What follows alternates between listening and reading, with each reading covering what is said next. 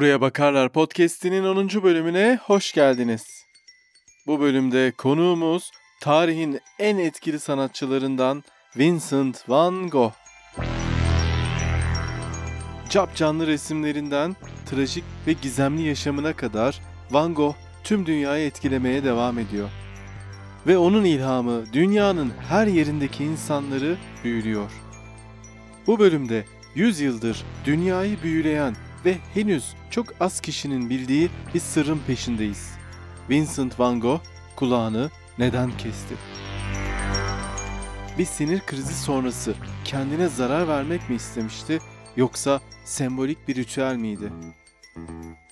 İşte yıllarca öne sürülen teorileri araştıracağız. Cevap çok farklı bir yerde olabilir. Ama önce size küçük bir sürprizimiz var.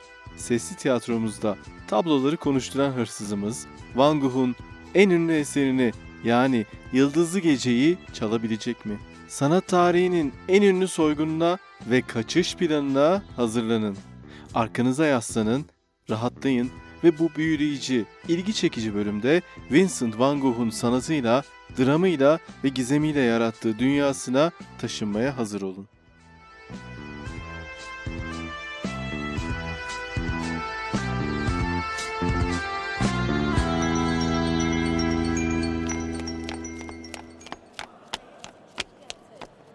Kimse beni görmeden buradan gitmem lazım. İşte bu yıldızlı gece. Ay, çantaya da koyduk mu tamamdır. Tamam, çıkış az kaldı. Ay hayır tablonun çalındığını anladılar. Daha hızlı koşmam lazım.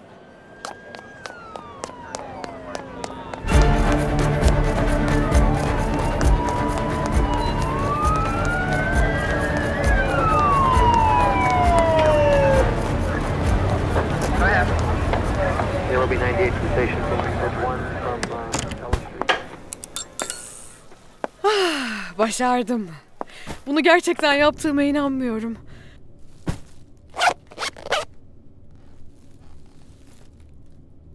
Yıldızlı gece. Çok güzel.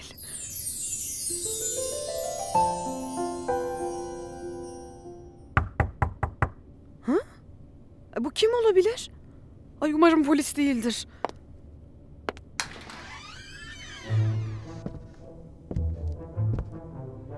İyi günler matmazel. Vincent van Gogh mu? Evet, benim. Ve resmime düşkün olduğunuzu görüyorum. Ö- özür dilerim ben onu çalmak istememiştim. Sadece yakından görmem gerekiyordu. Özür dilemeyin matmazel. E, Yıldızlı gecenin çekiciliğini anlıyorum. Ruha hitap eden bir tablodur. Gelin daha yakından bakalım isterseniz. Ne demek istiyorsun?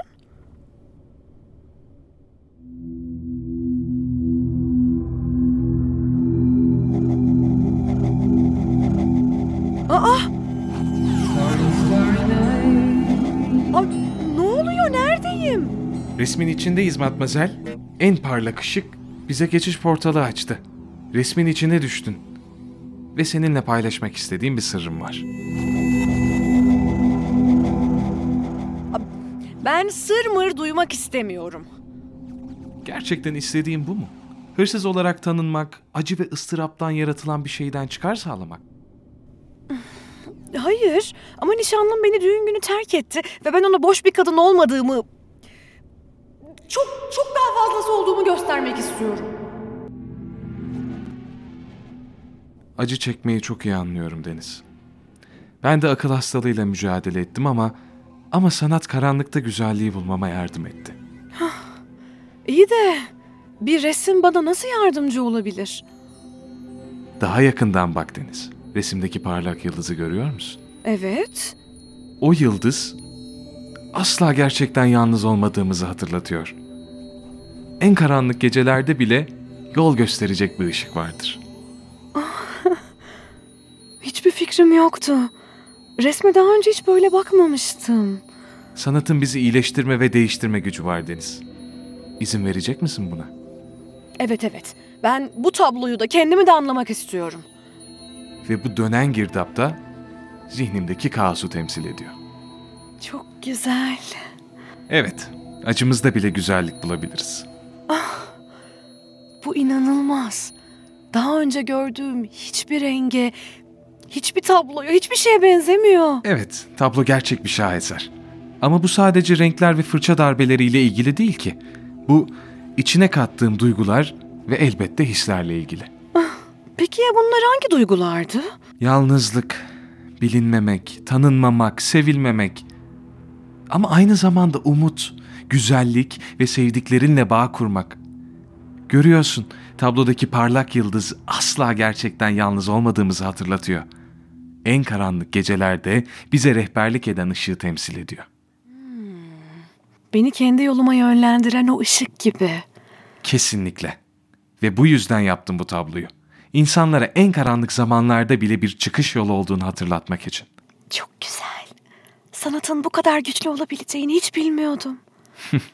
Evet, işte sanatın güzelliği de bu. İyileştirme, ilham verme ve dünyayı değiştirme gücüne sahip. Ve resimlerimle yapmak istediğim şey de bu zaten. Senin gibi insanlara ilham vermek. Teşekkürler Vincent. Hayatımı değiştirdin. Ve sen de benimkini değiştirdin. Şimdi artık bizim için gerçeğe dönme vakti. Now I understand what you tried to say to me. That you suffered for your. Ne oluyor? Neredeyiz? Gerçeğe döndük. Ve tablo ne zaman ihtiyacın olursa her zaman yanında olacak. Hatta seni hep kurtaracak. Teşekkürler Vincent. Bu anı sonsuza kadar hatırlayacağım. Polisler birazdan gelir. Ay, hayır, hayır yaklaşıyorlar. Buradan gitmem lazım. Deniz korkma.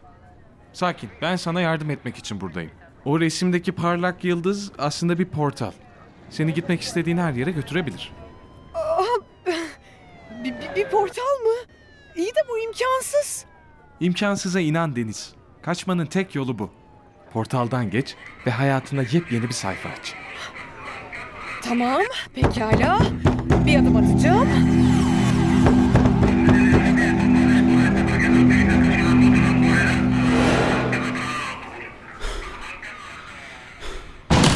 Eller yukarı tutuklusun.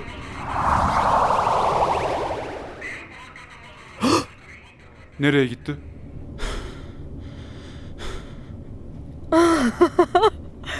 Bu inanılmaz bir şey. Kendimi hiç bu kadar özgür hissetmemiştim. Beğendiğine sevindim. Ama unutma, özgürlükle birlikte sorumluluk da gelir. Yeni keşfettiğin gücünü başkalarına yardım etmek için kullanmalısın. Yapacağım Van Gogh.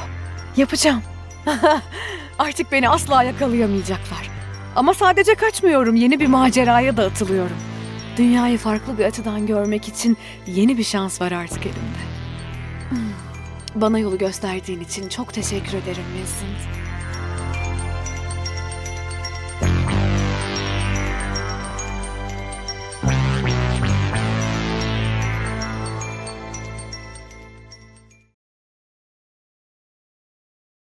Van Gogh efsanesi 1888'de Fransa'nın Arles kentinde doğmak üzeredir.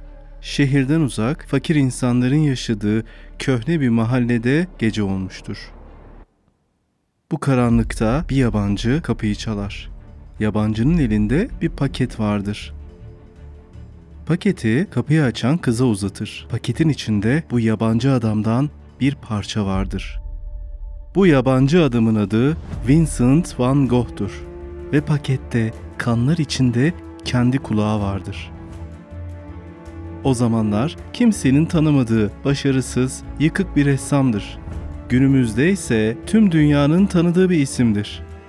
Bu kanlı olayın geçtiği tarihlerde en ünlü eserlerinden birkaçını vermiştir. Başyapıtları diyebileceğimiz eserleri resmetmiştir. Ama efsanesini kendi kulağını keserek yaratır. Polis ertesi sabah Van Gogh'un evine geldiğinde onu yerde cenin pozisyonunda yatar bulur. Hatta öldüğünden şüphelenirler.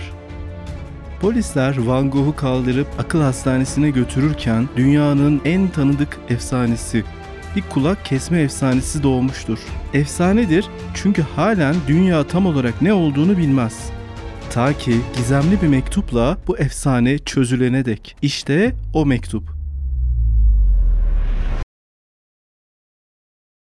Van Gogh, Güney Fransa'nın Arles kentine 35 yaşında gelir. Sene 1888'dir. Onu aşağılayan, küçümseyen Paris'in sanat dünyasından adeta kaçmıştır. Arles şehri güneyde ve güneşli bir havaya sahiptir. Gökyüzü tam olarak apaçıktır.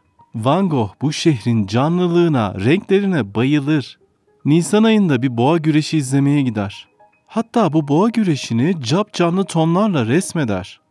Resimde kıpır kıpır insanları ve güzel kadınları çizer. Boğa güreşinin sonunda Matador kazandığı için boğanın kulağını keser ve seyirciye fırlatır. Bu bir gurur meselesidir, zafer gösterisidir. Birçok insan uzun süreler bunun Van Gogh'u etkilediğini ve onun da bu yüzden kulağını kestiğini sanmıştır. Hatta onlara göre bu gurur meselesi Van Gogh'u derinden etkileyip sevgilisine hediye edecek, bir zafer elde edecektir. Bu aslında yeterli bir cevaptır. Ama bir farkla. Gerçek asla bu değildir. Çünkü o tarihte Fransa'da matadorlar boğaların kulağını kesmezlermiş. Böyle bir şey gerçekleşmemiş. Peki bu cap canlı hareketli şehirde Vincent van Gogh'un Sarı Ev tablosunda resmettiği mutlu hayata rağmen Van Gogh'un dünyasını alt üst eden, kulağını kesecek kadar onu mahveden şey neydi?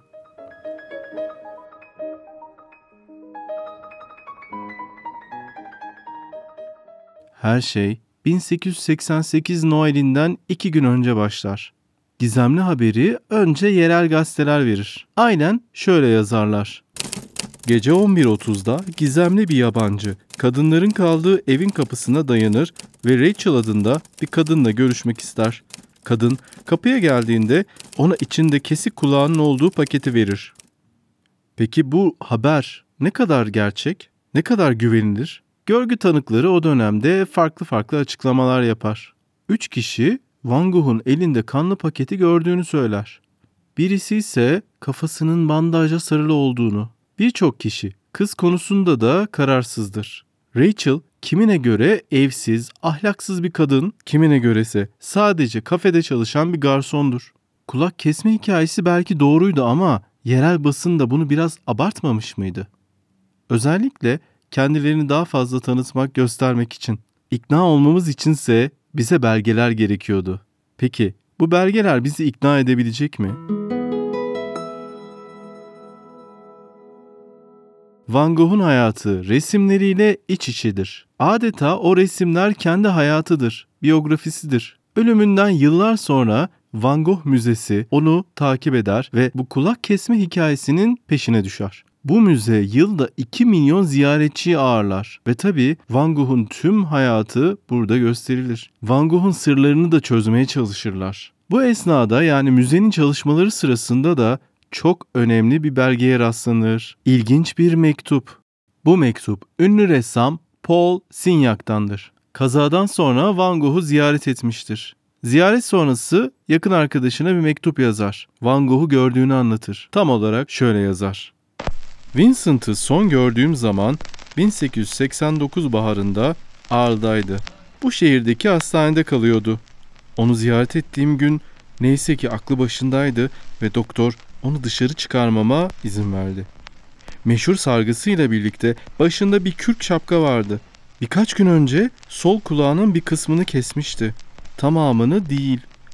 İşte bu görgü tanıklığından bir buçuk yıl sonraysa adeta onu onaylayan bir doktor çizimi de kulağının tamamının değil bir kısmının kesildiğini gösterir. Van Gogh'un ölümünden hemen sonra doktorlar bununla ilgili küçük bir çizim yapmıştır. Bu çizimde Vincent gözleri kapalı yatmakta ve kulağının üst kısmının sapasağlam yerinde olduğu görünmekteydi. Aynı Paul Signac'ın yazdığı gibi. Kulak yerindedir. Sizce de bu durumda bir gariplik yok mu? Yerel basın tüm kulağının kesildiğini yazarken onu yakından görenler sadece küçük bir parçanın kesildiğini anlatıyor. Tüm dünyanın Van Gogh'u tanımasına sebep olan bu kazada aslında neler oldu? Bu karmaşa nasıl oluştu? Kesik kulak bir kaza eseri miydi yoksa şehir efsanesi mi? Vincent van Gogh kadar hem resimleri hem de hayatıyla ünlü olan ressam çok azdır. İnsanlar Van Gogh'a bakınca sadece ay çiçekleri veya gökyüzü görmezler. İnsanlar Van Gogh'un gözlerine bakmak ister. Gözlerine bakmak ister çünkü bu duyarlı adamın gözlerinin içinde insanlığa, geleceğe, hepimize dair bir şeyler vardır. Bu aşırı duyarlı adam 37 yaşında ölmüştür. Ama tarih bize doğru adamı artık göstermektedir. Bu dehayla deliliğin arasındaki adamın efsanesi bir yalan üstüne mi kuruluydu? Van Gogh 35 yaşında ağırla başarısızlıklarla geldi demiştik. Paris sanat dünyasından nefret eder, hatta kaçar halde geldi demiştik. Bu perişan adamın acı ve kederle ne kadar yıprandığını tahmin edebilirsiniz. Ama gelin başlangıca gidelim. Yani doğduğu yıla.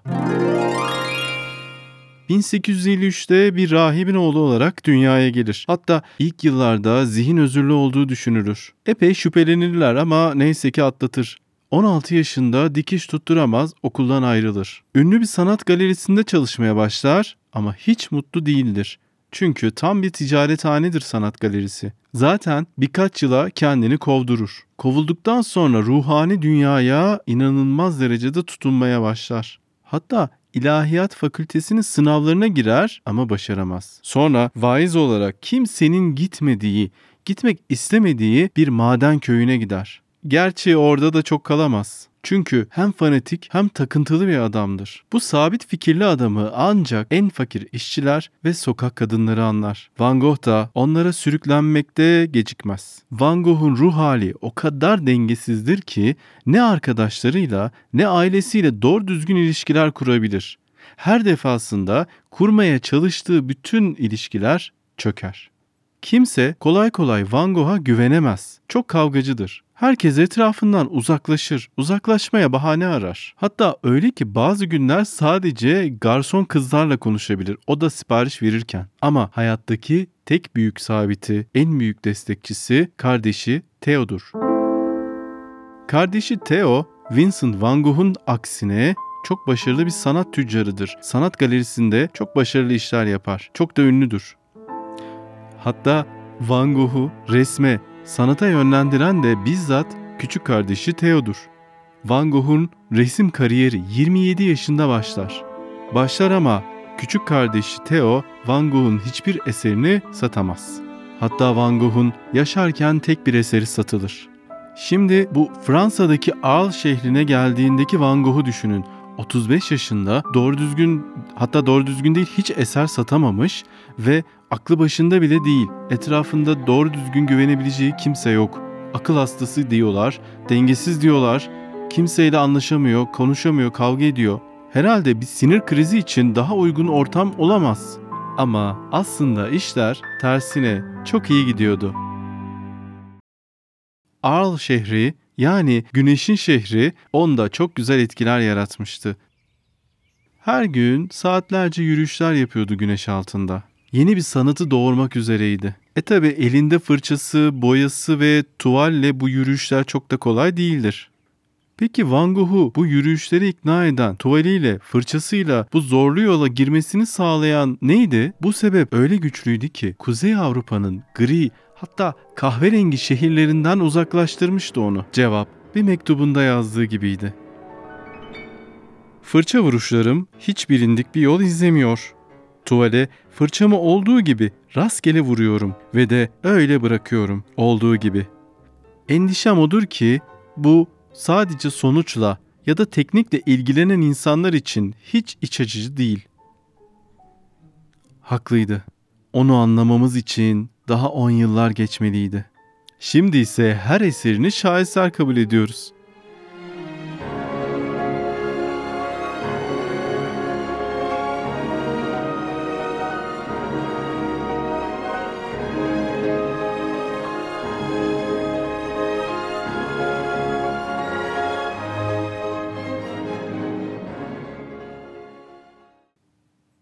Van Gogh kardeşi Theo'ya sanatın geleceğini bulduğunu iddia eder.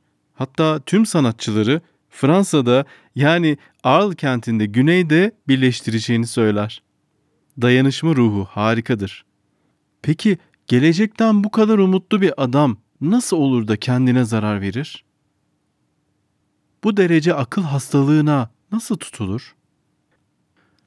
Van Gogh'un deliliğinin sebebi bizzat umudu bulduğu, renklerine aşık olduğu Fransa'nın Al kentinde olabilir mi? Van Gogh ressamlar örgütü kurmayı düşünür. Hatta bu yüzden Al şehrine hayranı olduğu Paul Gauguin'i çağırır. O gelmeden onun için evini süsler. Güzelce temizliğini yapar. Artık tüm sanatçıları birleştirecek ve büyük güç kazanacaktır. Ama işler umduğu gibi gitmez. Çünkü Paul Gauguin'in tek derdi para kazanmaktır. Ve bunu da bizzat Van Gogh'un kardeşi Theo'dan aldığı maaşla yapmaktadır. Zor da olsa Van Gogh'a katlanır.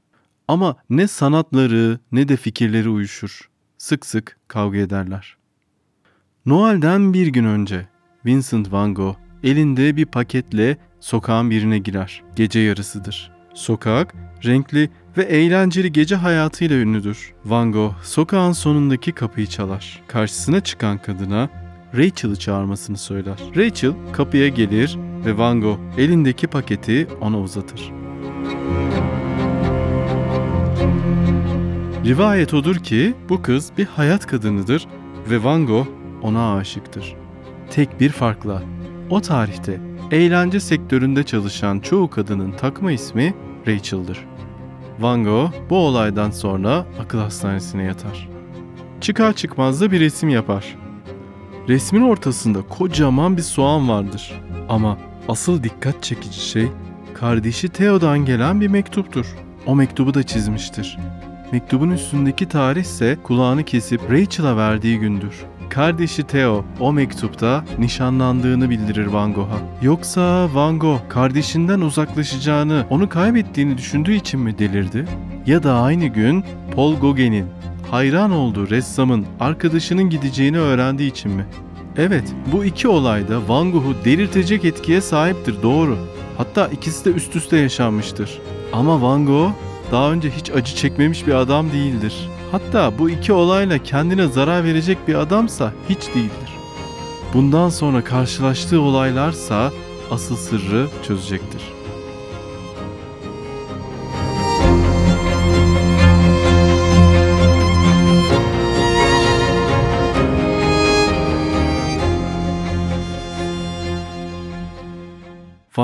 Kulağını kim için ve neden kesti? Van Gogh kulağını keserek ya da kulak memesini efsanesini bilmeden yaratmış oldu. Ama arkasında yatan neden neydi? Kardeşine ya da Paul Gauguin'e kızgınlığı mı? O tarihte hastalığı net olarak bilinmiyor ama şimdiki doktorların söylediğine göre ya epilepsi ya da bipolar bozukluk. Yani hep uçlarda yaşıyordu. Halüsinasyonlar görüyordu. Gördüğü bir halüsinasyon sonrasındaysa kulak memesini kesiyor ve bir hayat kadınına veriyordu. Aslında gerçek çok başkaydı. Ve onu ancak 2016'da öğrenecektik. Yazar ve amatör tarihçi Bernadette Murphy 2016'da Van Gogh'la ilgili bir kitap yazmaya başlar. Tabi yazmadan önce de bütün arşivleri tarar ve de Amerika Birleşik Devletleri'ndeki bir kütüphanede çok önemli bir sırrı ortaya çıkarır. 1956'da Van Gogh'un hayatını anlatan filmin yönetmeni Irving Stone, araştırması sırasında Van Gogh'u iyileştiren doktora ulaşmıştır. Bu kişi Doktor Felix Ray'dir ve Van Gogh'u tedavi eden doktordur. Hatta Van Gogh ve Doktor Felix Ray daha sonradan arkadaş olmuştur. Van Gogh onun portresini bile yapmıştır. İşte aynı Doktor Felix Ray, Irving Stone'a yeni filmi için araştırma yapan yönetmene Van Gogh'un kulağının gerçekte nasıl göründüğünü çizmiştir. Bu çizim Irving Stone öldükten sonra Amerika'da, Kaliforniya'da bir kütüphanede 2016'da bulunana dek gizli kalır. 2016'da amatör yazar Bernadette Murphy bu belgeye ulaşır. Belgede açıkça Van Gogh'un kulağının neredeyse tamamını kestiği çok net görülür. Sadece kulak memesini değil, kulağının tamamını kesmiştir. İşte yıllardır net olamadığımız sorun çözülmüştür. Kulağını kestikten sonra Van Gogh başını bandajla sarmış ve öyle sokağa çıkmıştır. Kulağını gelen evdeki kadına götürür. Ve bunun şakaya gelecek bir yanı yoktur. Çünkü bu aslında kahramanca yapılmış bir harekettir. Evet, Van Gogh artık bir kahramandır. Neden mi? Bulmacanın son parçasını çözmeye hazır mısınız?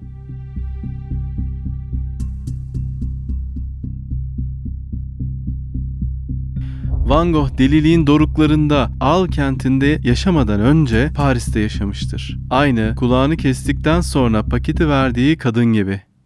Kadınla aynı dönemde Paris'tedir. 18 yaşındaki kadın 1888'in ocağında kuduz bir köpek tarafından ısırılır. Kadının ismi Gebi'dir yani Gabriel. Gebi tedavi için Paris'teki kuduz hastanesine gider ve 20 kere tedavi olur. Yani iğne yer. Bu tedaviden birkaç gün sonra Gebi Paris'ten Al kentine döner. Yoksa Vincent van Gogh Gebi'yi takip mi etti? Başta anlamsız gelse de aynı yılın aynı döneminde Van Gogh bir mektubunda şöyle der. Zavallı kızlar hastanede kuduz tedavisi görüyorlardı. Van Gogh acı çekenlere karşı özellikle de yara izleri olanlara, hasta insanlara karşı zafiyet taşır. Yani onlara karşı zaafı vardır. Onları kurtarmak, acılarını sonlandırmak ister. İşte Gebi de Van Gogh'un meleğidir. Hem de yaralı meleği. Ve Van Gogh kendini yaralı meleğinin acılarını dindirmeye adar. Onu kurtarmak ister. Tüm acılarını sonlandırmak ister. Bu bir tür dini, törensel bir şölendir onun için. Kısacası aklının oynadığı bir merhamet oyunudur. Van Gogh bu olaydan sadece 18 ay sonra hayatını sonlandıracaktır. Ama Gebi 82 yaşına kadar yaşar. Karanlık gecenin gizemi aydınlanmıştır. İşte tuvalin arkasındaki Van Gogh ortaya çıkar. O trajik yılın ardından dünya merhametiyle, vicdanıyla ve renkleriyle Van Gogh'la tanışır. Vincent Van Gogh'un hayatını ve mirasını araştıran bu podcast'in sonuna geldiğimizde Van Gogh'un sanat dünyası üstündeki olağanüstü etkisi karşısında etkilenmemek mümkün değil. Ve Van Gogh dünyada halen milyonlarca insanı etkilemeye devam eder. İşte onun en büyük etkisi bizim geleceğimizi yani insanlığın geleceğini düşünmüş olmasıdır. Ama unutmayın her büyük eserin arkasında umutları, korkuları ve mücadelesiyle insan vardır.